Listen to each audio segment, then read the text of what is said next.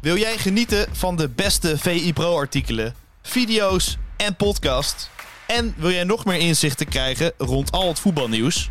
Word dan nu lid van VI Pro. Voor exclusieve podcasts, tactische analyses, interviews met spelers en financiële inzichten. Ga nu naar vi.nl slash zsmpro voor de scherpste aanbieding.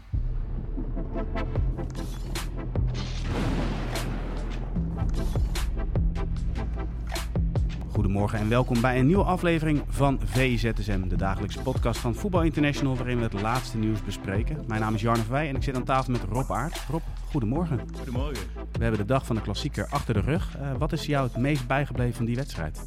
Dat het een korte wedstrijd was uh, om mee te beginnen, want er werd natuurlijk hervat in de 55ste minuut. Uh, wat mij het meeste bijbleef was dat Ajax aanvallende intenties had. Ze wilden natuurlijk proberen om die 0-3 achterstand nog om te draaien. Uh, maar wat gebeurde was dat Feyenoord meteen op 0-4 kwam en dat het eigenlijk meteen klaar was. Ja, dat was misschien ook wel pijnlijk, want het, het begon met een uh, stuiterbal bij Geusburg bij Wiever. Mm -hmm. En vervolgens was het eigenlijk ja, kort balbezit van Feyenoord en de eerste kans was al een feit.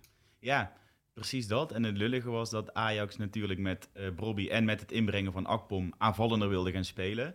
Uh, dus je denkt, nou, misschien als je die 1-3 nog weet te produceren, dat het daarna nog gaat lopen, dat het gaat lukken. Maar ja, er was totaal geen sprake van. Jiménez scoorde en daarna was het klaar. 0-4. Ja, ja, precies. En wat je dan ook weer zag na de 0-4, Ajax ging gelijk met vier verdedigers spelen en dacht van, nou, laten we de schade dan maar beperken. Ja, weet je, met 0-4 tegen dit huidige Feyenoord is eigenlijk geen begin aan natuurlijk. Dus ja, dan kun je beter de schade beperken, je verlies pakken en weer door uh, naar aanstaand weekend. Ja, precies. Nou, laten we een aantal dingen er eens bij pakken. We uh, kunnen starten zometeen met het pro-artikel van uh, Lente Godijk. Uh, voordat we dat doen, want dat is eigenlijk het andere grote probleem. Dat was de, ja, de kop mm -hmm. boven het verhaal, gaan we straks bespreken. Wil ik toch nog even kort terug naar het interview met Steven Berghuis. hij staat voor de camera's van ESPN en er wordt gevraagd naar Maurice Stijn als trainer. En daarop komt het antwoord, ja, ik ben niet degene die erover gaat. Daar kun je van alles van vinden. Daar kun je uh, allerlei zaken achter zoeken. Maar wat voor gevoel heeft dat bij jou opgeroepen? Dat was een heel rare opmerking. En hij zei ook nog van, wat vind je van Stijn? Vind ik een moeilijke vraag. Toen dacht ik, nou, het is je trainer en je wilt toch voorzichtig zijn in je antwoord richting de pers. Dat is begrijpelijk. Hij nuanceerde nog iets door te zeggen van, nou, op de training zie ik wel patronen terug, zie ik dingen terug, maar in de wedstrijd is het nog moeilijk. Maar als je toch deze uitspraak doet richting de media, dat verraadt toch wel iets dat het niet helemaal lekker zit. Nou, dat het niet lekker zit, dat zien we terug op het veld natuurlijk voorlopig. Uh, maar het zegt mij wel wat dat hij niet zijn volle vertrouwen uitspreekt in Stijn. Dat hij daar heel voorzichtig in is. Ja, en zou je dan van een aanvoerder iets anders verwachten? In die zin dat je zegt dat je iets meer als, als team opereert. En dat je zegt, ja goed, we maken met z'n allen fouten. We maken met z'n allen ook goede beslissingen. Dus in die zin dat je het echt als een collectief gaat benaderen? Dat lijkt me wel beter. Het lijkt me verstandig om het groepsgevoel uh, intact te houden. Voor zover dat nog intact is natuurlijk. Ik bedoel, we weten niet uh, hoe het in de kleedkamer eraan uh, toe gaat. Veel wisselingen geweest natuurlijk bij Ajax. Maar het zou wel verstandiger zijn voor, voor de mentaliteit van Ajax, denk ik, om, om dat te doen. Dus dit is wel... Het is ook wel een beetje Berghuis. Berghuis is natuurlijk wel iemand die, die zegt wel waar het op staat en wat hij voelt. En ik denk dat we dat ook juist moeten prijzen als, als pers zijnde natuurlijk. Um, maar handig, nee, dat niet. Dat denk ik niet. Nee, precies. Eigenlijk wie, wie ook Bram van der Bomen was dan uh, te gast bij de persconferentie. En die, en die wordt dan ook, daar wordt ook een aantal vragen aangesteld. Bijvoorbeeld van ja, wat hij van het vertrek van Mislintat vindt. En daar werd ook nog eens een keer aan toegevoegd van ja, hij is er mede verantwoordelijk voor dat jij nu bij Ajax speelt. En dat zijn best wel van die gewetensvragen die op dit moment last zijn speler. Maar vooral denk ik ook van ja, wat moet ik nu zeggen met de periode die eraan komt? Want het zijn natuurlijk wel allemaal politieke spelletjes die daar nu gaande zijn. Ja, het is heel onrustig en dat is ook wat Stijn gisteren telkens aangaf. Uh, we moeten op het veld presteren en het is lastig als er van buitenaf veel gebeurt. Of intern is het natuurlijk, maar in ieder geval vanaf uh, de bureaus. Want nu is Pier Eringa opgestapt, uh, Raad van Commissarissen. Ja. Zij twee dagen terug nog, ik ga niet weg, toch bezweken onder de druk. Um, dus er is veel aan de hand en Stijn zegt, als ik wil kunnen presteren op het veld, dan begint het ermee dat het rustig is binnen de club. ja, en dat is het allerminst. En dat maakt het wel moeilijk. En dat zorgt er ook voor dat zaterdag RKC uit gewoon weer een moeilijke wedstrijd wordt. Ja, RKC precies. twee wedstrijden op rij gewonnen, Kamer in de spits. En dat is echt geen, uh, geen makkie. Niet zomaar drie punten voor Ajax. Nee, precies. Laten we het pro-artikel van Lenter even bijpakken. Die, die was gisteren in Amsterdam Arena. En die geeft aan het andere grote probleem van Ajax. Nou, het is natuurlijk veel over restverdediging gegaan. Het is veel over uh, de hoeveelheid kansen die Ajax tegenkrijgt uh, gegaan. Maar ja, aan de andere kant Ajax creëert ook niet veel. En dat beschrijft Lenten ook in zijn artikel. -hmm.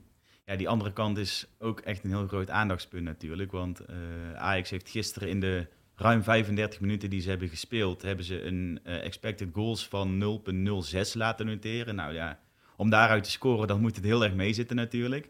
Dus ook voorin is het nog zoekende. Maar dat komt ook omdat er nog geen vastigheden zijn. Nu uh, ontbrak Bergwijn uh, natuurlijk nog, die was er niet bij. Maar ook voorin zit je te kijken, Brobby, nou, die onttrekt zich wel aan de malaise. Speelt goed de laatste weken eigenlijk. Um, maar als je daaromheen kijkt, je hebt Akpom, je hebt Miko Tatsen.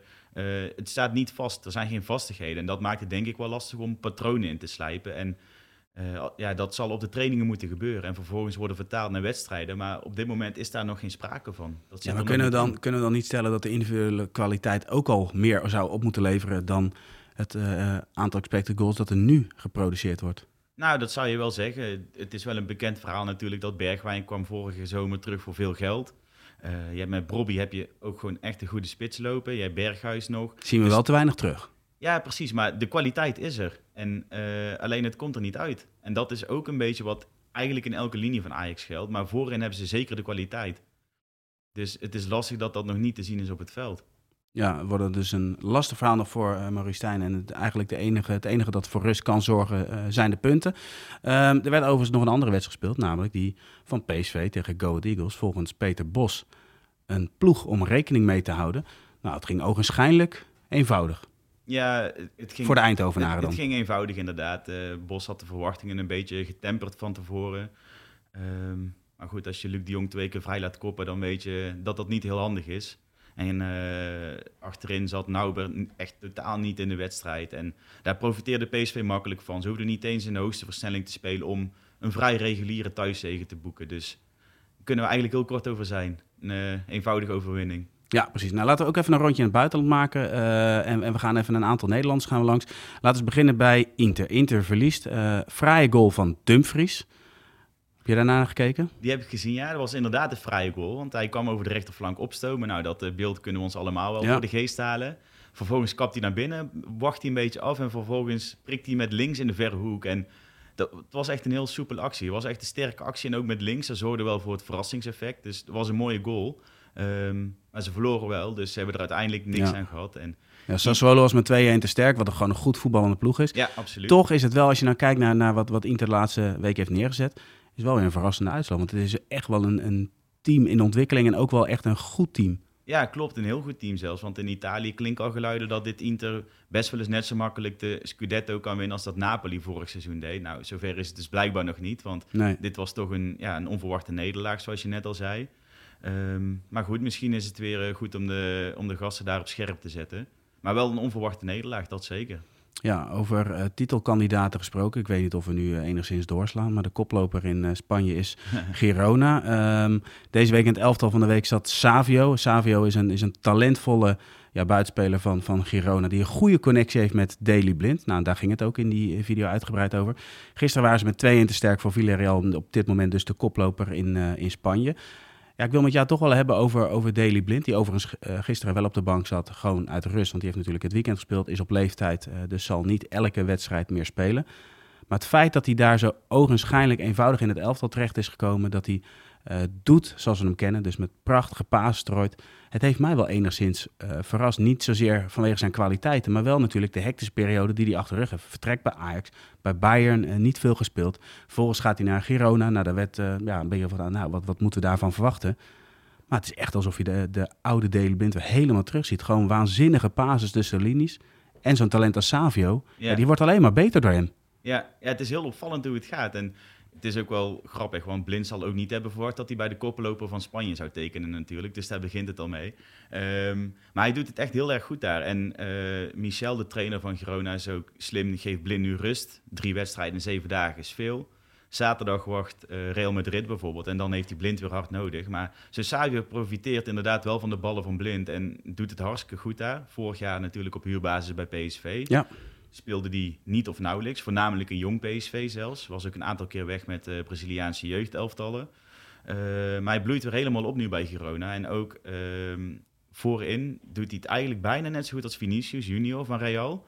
Um, die is wel iets beter. Die is natuurlijk nog veel verder. Alleen qua statistieken zijn ze, lopen ze nu gelijk op. Dus ik ben benieuwd hoe dat zaterdag gaat. Of dat hij dan weer kan laten zien. Of dat het dan toch wel de jongens tegen de mannen wordt. Ja, ik ben ook heel benieuwd naar het optreden van Blind tegen Real Madrid. Want nogmaals, de, de, ze zullen een andere wedstrijd spelen waarin Real Madrid uh, zeer waarschijnlijk de boventoon uh, zal gaan voeren. Dus hij zal iets meer op zijn eigen helft spelen. Maar toch denk ik wel met, want ze hebben ook bewegelijke middenvelders, uh, gevaarlijke aanvallers.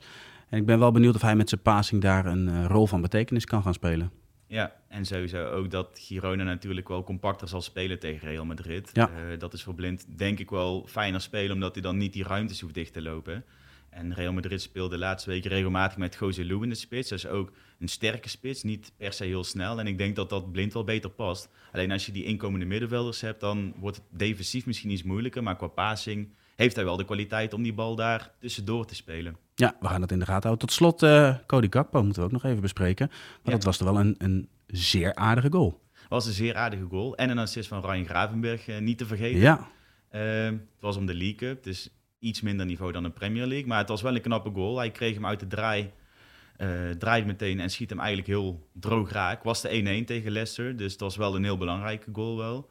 Uh, na de rand nog met 3-1 gewonnen. Uh, ook de goal van Soberslide trouwens nog even noemen. Onderkant lat, echt kiezelhard. Echt een mooie goal. Ja.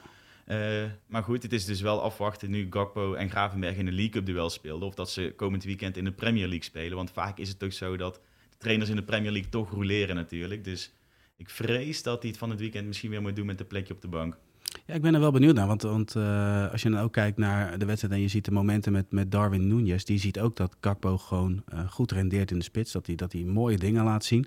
En ik, ik vond hem bijvoorbeeld wat geforceerd overkomen door echt een paar keer nou ja, vanuit, nou ja, onmogelijk hoek gaat wat ver, maar vanuit een, een zeer lastige situatie toch probeert te schieten op doel om zijn doelpunten maar mee te pikken. Ja, het zijn heel andere spelers natuurlijk. En ik denk dat Klopp daar heel blij mee is. Want die kan, uh, die kan per wedstrijd kiezen van welke smaak heb ik vandaag ja. nodig. En uh, dat, dat is wel een luxe positie. En dat is ook toen Mané, Firmino, Salah nog de drie eenheid waren. Ook toen kon hij al wisselen. Want toen was uh, Jota eigenlijk de vierde man die erachter zat. En nu heb je eigenlijk ook weer vier of misschien wel vijf aanvallers voor die posities. Dus voor Klopp is het echt een ontzettende luxe om daaruit te kunnen putten. Absoluut, we gaan het volgen. Rob, bedankt voor jouw bijdrage aan deze ZSM en tot ZSM. Tot ZSM.